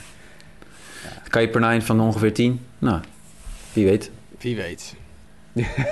inderdaad, wordt gevolgd. Volgende week meer over Shelby Miller bij, uh, bij de Giants. En dan tot slot, uh, nou ja, Grace Rodriguez hebben we natuurlijk al behandeld deze blessure, dus zullen we Jasper niet nog verder mee, mee tarten met... nee. Dat blessure nieuws, maar vraag me wel of qua prospect nieuws Gabriel Moreno opgeroepen door de mhm. Chase. Is dat een interessante naam om uh, in de gaten te houden? Zeker. Een van de beste catching prospects in baseball. Hmm. Heel interessant natuurlijk dat je... Er was een off-season move. Weet je misschien nog wel. Zach Collins van de White Sox werd toen naar de Jays getrade voor Reese McGuire. En dat was vooral omdat de Jays natuurlijk geen plek hadden voor Reese McGuire. Want McGuire had geen opties meer. Dus ze konden hem niet naar de minors sturen zonder hem kwijt te raken. Collins had nog wel een option. Dus de White Sox zeiden van nou hier neem jij onze catcher die nog wel een option heeft. Wij hebben een goede backup catcher nodig die ook kan catchen. Want Collins is niet zo'n goede defensieve catcher. Dus toen hebben ze Reese McGuire overgenomen. En daar was toen al over gesproken dat is een move met het oog op de eventuele call-up gedurende het seizoen van Gabriel Moreno. Die gewoon een van de beste catching prospects in baseball is. En um, dat zie je dus nu uh, uitkomen. Collins zit geloof ik in AAA, zeg ik even uit mijn hoofd. Alejandro Kirk, die er natuurlijk ook nog rondloopt bij de Jays, uh, die slaat redelijk, maar niet super goed en is ook defensief niet zo heel sterk. Dan hebben ze natuurlijk nog Danny Jensen. Uh, dus het, het, het, loopt over met catchers in, uh, in Toronto. Maar ja, ze, ze, konden Moreno niet langer meer in de minors houden. Um, dus het is wel grappig om te zien dat dan zo'n off-season move... waarvan iedereen op dat moment zegt van... Nou, dit is overduidelijk het by design, zodat ze op een gegeven moment Gabriel Moreno kunnen oproepen. En dat dat, dat nu uitkomt, is wel geinig om te zien altijd. En dan misschien maar, maar meteen door te pakken met de andere catcher. eh, Joey Bart. Natuurlijk altijd jarenlang een top prospect geweest. Opvolger zou die moeten worden van Buster Posey natuurlijk in San Francisco. Onder een bom inpluggen en eh, nooit meer aan denken. Maar ja, dat gaat ook niet echt eh, lekker hè. Options nu naar AAA. Ja. Niet voor de eerste ook volgens mij. Vorig jaar volgens mij toch ook al een Ja. keertje, Ja. denk ik. Ja, het is... eh, er zijn af en toe flashes dat hij het wel laat zien. Eh, begin van het seizoen was hij goed begonnen. ja. Ik geloof Ja. twee, twee homers. Ja, maar de laatste... snelkaart in de MLB The Show zelfs. In, eh, in het Hm. maandelijkse, het, het april monthly pro- eh, program. Dus, Ja. Ja. Maar eh, sindsdien eh, slaat hij eh, niet boven de 200 Nee. volgens mij. Ja, het is ook Moeilijk vooral, ik om, zie eh, hier op toevallig een artikel van Fangraphs voor me. Dat vooral het strikeout percentage is echt duizelingwekkend hoog. 45,4 eh, procent K-rate. Dat is echt het hoogste van eh, de hele majors. Wow, dat is mijn strikeout rate denk ik in de majors ook. Ja, ja, en er staat ook hier dan nog in, in 74 plate appearances, wanneer hij two strikes heeft, slaat Bart 0. Zo, nu- ja, 0.060. Dat is 4 voor 67. Dat is niet veel beter dan wat een gemiddelde Major League pitcher slaat met twee strikes. Jezus Christus. erg. Ja, dat is niet best. Nee. Dus dat is echt, eh, ja, dat is pijnlijk en dat is eh, zonde. Want ja, natuurlijk jarenlang, wat ik al zei, ook gezien als opvolger van Buster Posey, maar het eh, komt er nog niet echt uit. Dus hopelijk voor hem kunnen ze dat, eh, kunnen ze dat Ja. fixen. Maar ja, het is, ja, het is natuurlijk sowieso wel vaak. Ja, mij staat natuurlijk vooral Mike Zonino goed bij, die natuurlijk bij Mariners een beetje Mm. hetzelfde had. Dat, eh, te veel strikeouts en nooit echt geworden. Dat het toch met catchers. Ja, het is niet, laat, hopen, laat niet hopen dat voor Adley Rutschman hetzelfde gaat. Dat hij eh, derde wordt in dit rijtje. Hoor. Nope. Het is voor hem te hopen. Jesus Montero, een paar jaar voor Zunino. Oeh, de zo, Mariners. ja. Ja. Over oude, Hetzelfde verhaal. Die had ik toen nog net in een goede MLB The Show was. Die was een super groot talent. Was Ja. eh, dat werd de, de beste catcher ever. Maar, Ja, dat, dat zie je dus nu ook. Hè. In MLB The Show is er nu een, eh, een eh, programma waar je dus eh, The Future of the Franchise, heet het. Mhm. Maar dus elke club krijgt één spelerkaart toegewezen die echt supercharged is. Dus bij de White Sox is er bijvoorbeeld Joelky Cespedes met een 95 rated kaart. Ja. Bobby Miller bij de Dodgers, ik noemde hem net al eventjes. En eh, Gunnar Henderson bij de Orioles bijvoorbeeld, dat soort spelers allemaal. Gabriel Moreno had al een prospect card voor, eh, voor de Jays. Eh, dus ze hebben nu iemand anders, geloof ik, voor in dit programma hebben ze iemand anders bij de Jays gezet. Ja. Maar ja, dat zijn inderdaad van die kaarten van die prospects waarvan je geen idee of het ooit dat wordt. Maar ze hebben nu al een 95 rated Ja, kaart. Dus ze zijn nu al echt letterlijk bruikbaar in MLB. The Show.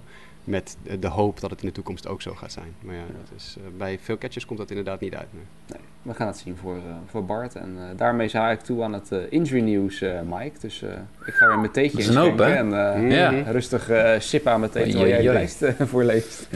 Ja, nou, goed, we gaan het er ook een beetje bespreken, toch? Ja, nee, is het, zeker, best een- zeker, het is een te lang lijstje. Royce Lewis, infielder Ja. bij de Minnesota Twins, heeft zijn kruisband gescheurd. Dat had Twee hij, keer.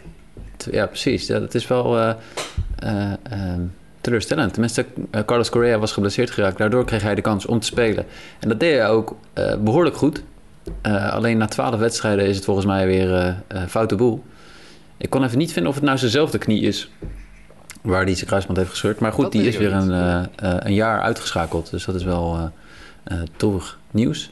Eh, de Mets... is vooral voor zijn ontwikkeling heel erg problematisch. Als je natuurlijk twee keer in twee jaar tijd je, je knieband afscheurt, je kruisband afscheurt. Ja. Dat is, voor zijn ontwikkeling niet goed. Nee.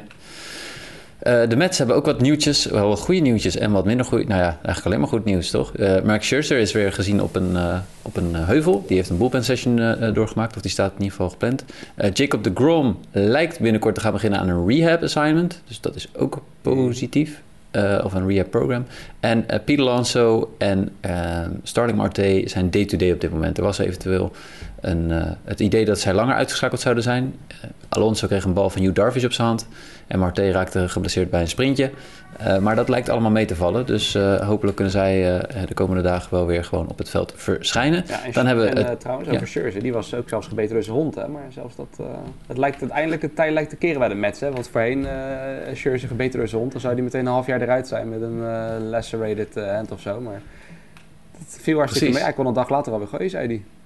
Hoe is het met de hond? nou ja, hij zei dus eh, dat zijn hond Rafi, eh, she heard her leg on a run. She was howling in pain and I went to calm her down by putting my hands on her. When I did that, she bit my right hand. Fortunately, it wasn't a bad bite. Nou ja, Oké, dus het lijkt Gelukkig. met de hond verder wel eh, nou ja, verder Goed te gaan. Ja. En met. Pax ook, alleen maar mooi nieuws. mooi. Eh, minder goed nieuws, Tommy John segmentje. Dat hebben we de laatste weken eh, steeds. Dit keer hebben we twee mensen die de operatie zullen ondergaan. Dat zijn Casey Mize, de werper van de Detroit Tigers, en Andrew Kittredge van de Tampa Bay Rays. Eh, Helaas. Andrew Kittredge. En dat was een van de weinige werpers bij de race in de poep en die wel normaal niet. Ja. Nou ja, dat, eh, ik denk dat die andere vijf jongens eh, zouden zeggen, god straf meteen. Maar eh dat is wel...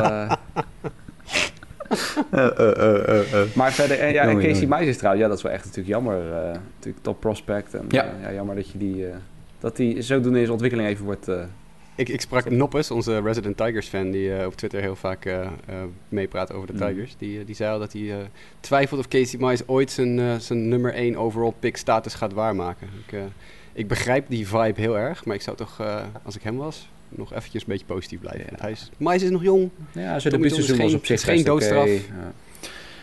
En in principe, ik bedoel, first round draft pick. Ik heb altijd zoiets van, als ze dan in ieder geval maar bijdragen op het Major League niveau, toch? Je weet niet of het een superster gaat worden. Dat, blijft is het altijd vaak, ja. Maar als ze in ieder geval maar een eh, prima speler op het hoogste niveau zijn, dan eh, ben je echt wel spekkoper. Ja. Ehm, Walker Bueller, dat liet Jasper mij weten, die eh, is, eh, heeft zijn start de afgelopen nacht verlaten met elleboogklachten. Dus dat is even afwachten. Fernando Tatis Jr. gaan we niet zien voor de All-Star break. Dat heeft een eh, slowly progressing met zijn blessure. Dus dat schiet niet echt op. Weet je wat het meest frustrerende aan Fernando Tatis is op dit moment? Het feit dat hij dus dat hele seizoen niet op het veld staat, niet gespeeld heeft, maar zijn diamond card in MLB The Show kost nog steeds 200.000 stubs. En ik heb die kaart nodig om een collectie compleet te maken en ik heb geen 200.000 stubs. En Dat kan, je, kan je dan niet, want ik speel het zelf niet, kan je niet zoals in FIFA gewoon dan eh 100.000 euro's tegenaan gooien? Of, eh, Ja, maar dat, dat gaan we niet doen. Ik betaal geld voor het spel. Het is, geen, het, is geen free to, het is geen free-to-play game. Ik betaal al geld voor dat spel. Dus eh, Precies. ik, eh, ik probeer het no money spend te doen. Dat is een serieuze strategie, no money spend. Met, eh, Mhm. je, je, je krijgt standaard 60.000 eh, stubs als je het spel koopt, geloof ik. Ehm, dus ik, eh, ik probeer het nog met no money spend te doen. Dus ik ben nu eventjes al mijn dubbele aan het verkopen. In de hoop dat ik eh, Fernando Tatis en Jose Ramirez, die ook nog 120.000 stubs kost, eh, nog kan aanschaffen. Dan, eh, wie weet. Maar goed, dat terzijde. Nou ja, en ik hoop wel dat Tatis na de All-Star break er wel eh, is. Ik ben eh, na de All-Star Ja. break Ja, ik ben hoop, ik ergens ik in... dat hij zo snel mogelijk terugkomt. Drie weken lang geen deuk in een pakje boter slaat. Dat die prijs keldert. Oh, zo ja. Ja, nee. nou ja, nee, ik zit meer omdat ik eh, dan rond, wat is het, rond 10 en 11 augustus ben ik in San Diego. Dus dan hoop ik toch wel Tatis aan het werk Kijk, kunnen zien. ja, maar dat dat, zou- nou, dat dus zou ik hoop dat hij die timetable, dat hij dat, dat, hij dat redt. Ik hoop het ook Dat, voor je. dat zou mooi maar dan dus, ja. hoeft hij niet goed te slaan. Dan hebben we allebei wat we willen. Ja, we hebben allemaal. Ik zie hem en hij slaat niet goed. Nou ja, allebei Nou ja, we sturen jou gewoon daar naartoe om polshoogte te nemen als het niet goed gaat met hem. Om even te vragen wanneer die wel verwachten. Polshoogte. Goeie grap, Mike, over Tatis. Fantastisch. Dat was onbedoeld. Ja. Dat was onbedoeld. In ieder geval, eh, eh, er is nog een speler die eh, nog wat langer oud blijkt te zijn. Dat is Eloy Jimenez van de Chicago White Sox. Jasper, wat heeft hij? Nou, valt mee hoor. Dit is, dit is een, eh, een trucje dat de White Sox hebben toegepast nu om... eh, kijk, je hebt een rehab assignment, hè? Wat, eh, Justin zei net al over iemand die op rehab... Of jij zei het, Mike. Iemand die op rehab assignment gaat. Een rehab assignment duurt 20 dagen. Dat mag. Je mag een speler dus nadat hij terug is van de IL... mag je hem maximaal 20 dagen op rehab stint sturen naar de minors... zonder dat je daar ros- rosterproblemen mee krijgt. Eloy is al een flink stuk onderweg in zijn rehab assignment van zijn hamstringblessure. Alleen er is wat scar tissue losgekomen in zijn hamstring. Wat voor deze blessure vrij gewoon lijkt te zijn. En dat betekent dat hij eigenlijk waarschijnlijk nog ietsje langer nodig heeft in zijn rehab assignment. Aangezien de 20 dagen bijna op waren, hebben de White Sox gezegd: Oké, we, we breken nu officieel zijn rehab assignment af. Dat, moet, dat mag vijf dagen duren. Je mag een speler, je mag een, rehab assignment afbreken en dan mag je niet, de eerste komende vijf dagen mag je niet weer op rehab assignment gestuurd worden. Dus ze zeggen, oké, we breken nu officieel zijn, deze rehab assignment af. We zetten hem vijf dagen even thuis op de bank. eh, dat hij even bij kan komen van die scar tissue die losgekomen is. En over vijf dagen starten we zijn rehab assignment opnieuw. Dan heeft hij weer 20 dagen. Die 20 dagen gaat hij niet nodig hebben. Maar we kunnen dan op deze manier in ieder geval een klein beetje dus die eh, eh, roster eh, situatie manipuleren. Mm. Dus het lijkt er voorlopig op dat het niet een heel ernstige, geen, geen, geen herblessure is of zo. Alleen dat het gewoon puur een trucje is om ervoor te zorgen dat hij een paar dagen extra heeft om even bij te komen van het loskomen van dat littekenweefsel. En dat hij, dat hij niet zijn 20 dagen volmaakt. Al. Dit klinkt als stel, ik heb een fantasy team. En Mhm. stel, ik heb een, eh, een, eh, een plaatsje beschikbaar in mijn, op mijn IL. Dan Mhm. is dit het moment om een soort van een Ja, beetje wel ja, in te gaan stappen. Mm, Oké, ja. Oké, Eh, just checking. Ja, heel goed. Even een moment hoor. Nee. nee ja. Dan hebben we nog twee andere blessures. Dat is dat de catcher van de Reds. Stevenson vier tot zes weken uitgeschakeld is, want zijn duim is gebroken. Dat heeft altijd even nodig. En Gene Segura heeft een operatie aan zijn vinger ondergaan. En is 10 tot 12 weken uitgeschakeld. Zo, dat is Zijn we rond? Ja. Ja, Nou is ja, zijn vinger eraf eh, gezaagd of zo. Wat- weet ik niet.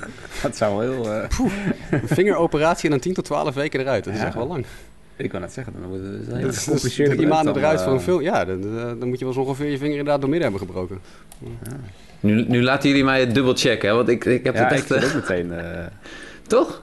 Nee, het Check. kan, het kan hoor. Ik weet niet van voor blessure het Ja, is. maar het is ik- inderdaad... Ik vind het wel heel Een veel. gebroken duim is 4 tot 6 weken, maar misschien Precies. dat het... eh, Waarom zou zijn vingerblessure dan in één keer 12 weken zijn? we zoeken het op. We gaan even snel ja. Dan gaan we gewoon in de tussentijd vragen, waar kijk jij komende week naar je uit, hebt wel eh, gelijk. Het is, het is 10 tot 12 weken staat hier inderdaad, ja. Ja. Een, een vingerbreuk. Eh, het staat niet bij wat voor break, maar er staat inderdaad 10 tot 12 weken. Nou, dat is een, eh, nou, een vervelende break dan. Daardoor kan ook wel nog wel eh, een- Scott Kingery weer eh, terug na een jaar eh, afwezigheid. Ja. Die, eh, omdat ze dus Ja. met Segura onder andere en Camargo eh, wat infielders tekort hebben. Oh, Joe Ross was ook nog Tommy John. Hadden we nog niet genoemd. Nee, en ik zie ook nog inderdaad, dat was ik vergeten te melden, eh, eh, Nick Ahmed heeft wat schouderklachten waar ze niet echt goed achter weten te komen. Die gaat naar de 60-day IL. Nou ja. Dus, J.A. Happ retired, moeten we dat ook nog noemen? Zie ik nu ook even langskomen nog. Afalai, toch? Ja, Maar was die, was die, was die al niet met pensioen? Of, eh, nee? nou, blijkbaar pas nu officieel. Hm. Ik weet niet wanneer dit was. Laat eens kijken. Is dit al een tijdje geleden? Ja, dat is eh, tien dagen geleden. Dus, eh, En, eh, jij wilde nog even hebben over Steven Strasburg, eh, Jasper. Oh ja? Die is terug. Die is terug. Die is terug. Nou ja, heeft dat, dat, eh, eh, gegooid. dat had ik, had Was- jij? Was ik niet? had ik, ga, ik, ga, ik, ik, ga, ik ga er niet over beginnen, want ik eh, eh, eh, speel toevallig deze week een fantasy tegen iemand en die had hem opgepikt en dat was dus niet goed gegaan. Dus eh, ik ga hier niet op, over beginnen. Maar hij was, eh, hij was weer eh, terug op het hoogste niveau. Klopt, ja. Nou ja, natuurlijk sinds lange tijd hè, voor, eh, hoe heet het ook altijd weer? Thoracic Outlet eh, Syndrome. Syndrome. Maar eh, ja, ik zit even snel op te zoeken. Hij had namelijk uiteindelijk... had Net als Michael van Gerben volgens mij, die had het ook. Hij had, geloof ik, hij had, geloof ik, of hij had vijf runs tegen. En, ik geloof dat hij vijf of zeven runs tegen kreeg. Ik ga dit even natuurlijk checken. We willen wel de juiste informatie eh, meegeven. Maar laat in ieder geval. Het kwam erop neer dat het niet zo erg best was. En dat is natuurlijk voor de Nationals wel jammer, want die kunnen alle hulp gebruiken. gebruiken. Even Vergeet niet dat je nu ook kan stemmen op jouw mensen in de oh All-Star. All-Star. Ja, ja, ja. Ik heb het nog niet gedaan, maar het kan. We hebben een Ja. eerste ronde en we hebben een tweede ronde. En dan is het volgens mij de eerste ronde zorgen dat je op de shortlist komt. En de tweede ronde stemmen wie we als starters willen hebben. Waarbij de mensen met de hoogste eh, percentages al gelijk gesecured zijn van een starting line-up plekje. Ik had hem hier Ja. trouwens. eh Strasburg gooide tegen de Marlins. Eh, Marlins die natuurlijk won hè, na dat lange praatje over eh Jazz Chisholm. Eh 4.2 innings gepitcht, 8 hits tegen, 7 runs tegen, 2 walks en 5 strikeouts. Dus dat is nog niet... eh, maar ja, goed. Er zit nog We wat geven roest, nog eh, even. Ja. roest op de arm, eh, zullen we maar zeggen. En, eh, En laten we niet vergeten, Strasburg was al een tijdje ook voor zijn blessure niet meer super goed. Niet nee, meer dat hij je denkt, een lights de- out ace. Dus, eh, Mooi. Nou, Zijn we verder- rond, toch? Ja, ik wil Oh, zeggen, verder heb ben je- je toch nog dingen vergeten, ja? Ja, nou nee, het schiet me net eens te binnen. Ik zag dat vanochtend toen ik in bed lag op Twitter even te kijken. Heb je dit spelletje boterkaas en eieren gezien tussen Joe Musgrove en Chad Cool? Nee, heb het gehoord. gemist, maar... Ik heb het gehoord. Fantastisch. Ja, Joe, Joe Musgrove van de Padres tekende met zijn cleats op de pitcherheuvel, achter op de pitcherheuvel, tekende die zo'n grid, zo'n zo'n boterkaas en eieren dingetje. Zette er één kruisje in, gooide vervolgens een inning. Chad Cool komt even later de heuvel op voor de Rockies. Ziet dat. die, die staat er even een paar seconden naar te kijken. En Ja, denkt, dat is oh mooi. ja. En die zet vervolgens met zijn schoen ergens een rondje in. En die jongens die hebben een paar innings lang hebben ze boterkaas en eieren gespeeld. Elke inning. Dat is wel dat is goud. echt fantastisch. Dat is goud. Oh, zo mooi man. Echt. Musgrove ook echt, die heeft een Cy Young season op dit moment, hè, wat hij aan het Ja. doen is. Dat is Oh, echt niet normaal, eh, hoor. Ja. Dat is ook wel even een shout-out waard, want godsamme, wat staat die man te gooien. Maar dan staat hij in de tussentijd ook nog even gewoon boterkaas en eieren te spelen met zijn tegenstander. Dat, Ja, dat, is, dat is wel mooi. Nou, ja, ze denk ik waarschijnlijk oud teamgenoten. hè. Denk bij de Pirates, eh gok ik. Oh ja, Ja. tuurlijk, ja. Denk ja ik, dat zal, misschien eh, speelden ze toen ook wel heel veel boterkaas. Ja, dat deden ze heel vaak inderdaad in het clubhouse. Maar Maar vooral de reactie van Cool. Je ziet hem naar de, naar de heuvel lopen, even twee seconden naar de grond kijken van wat is dit? oh ja, en hij tekent een rondje. Dat is echt eh, geen, geen ja, dat word ook er de dingen die, heeft die het honkbal mooi maken. Weet je? Dat, dat, dat soort dan gekkige dingetjes dan toch nog gewoon kunnen. Terwijl het eigenlijk topsport Ja. is, maar toch echt, dat ze zich als kleine jongens eh, kunnen gedragen. In het opzicht dat is eh, wat de sport dan ook eh, weer mooi maakt. Ja, goed. vind ik ook. Ja. Dan zijn we inderdaad, eh, zijn we inderdaad rond voor het mooie weekend 11 12 juni. Mike bedankt, Jasper bedankt, luisteraars natuurlijk bedankt voor het luisteren. En ja, graag weer tot de volgende keer.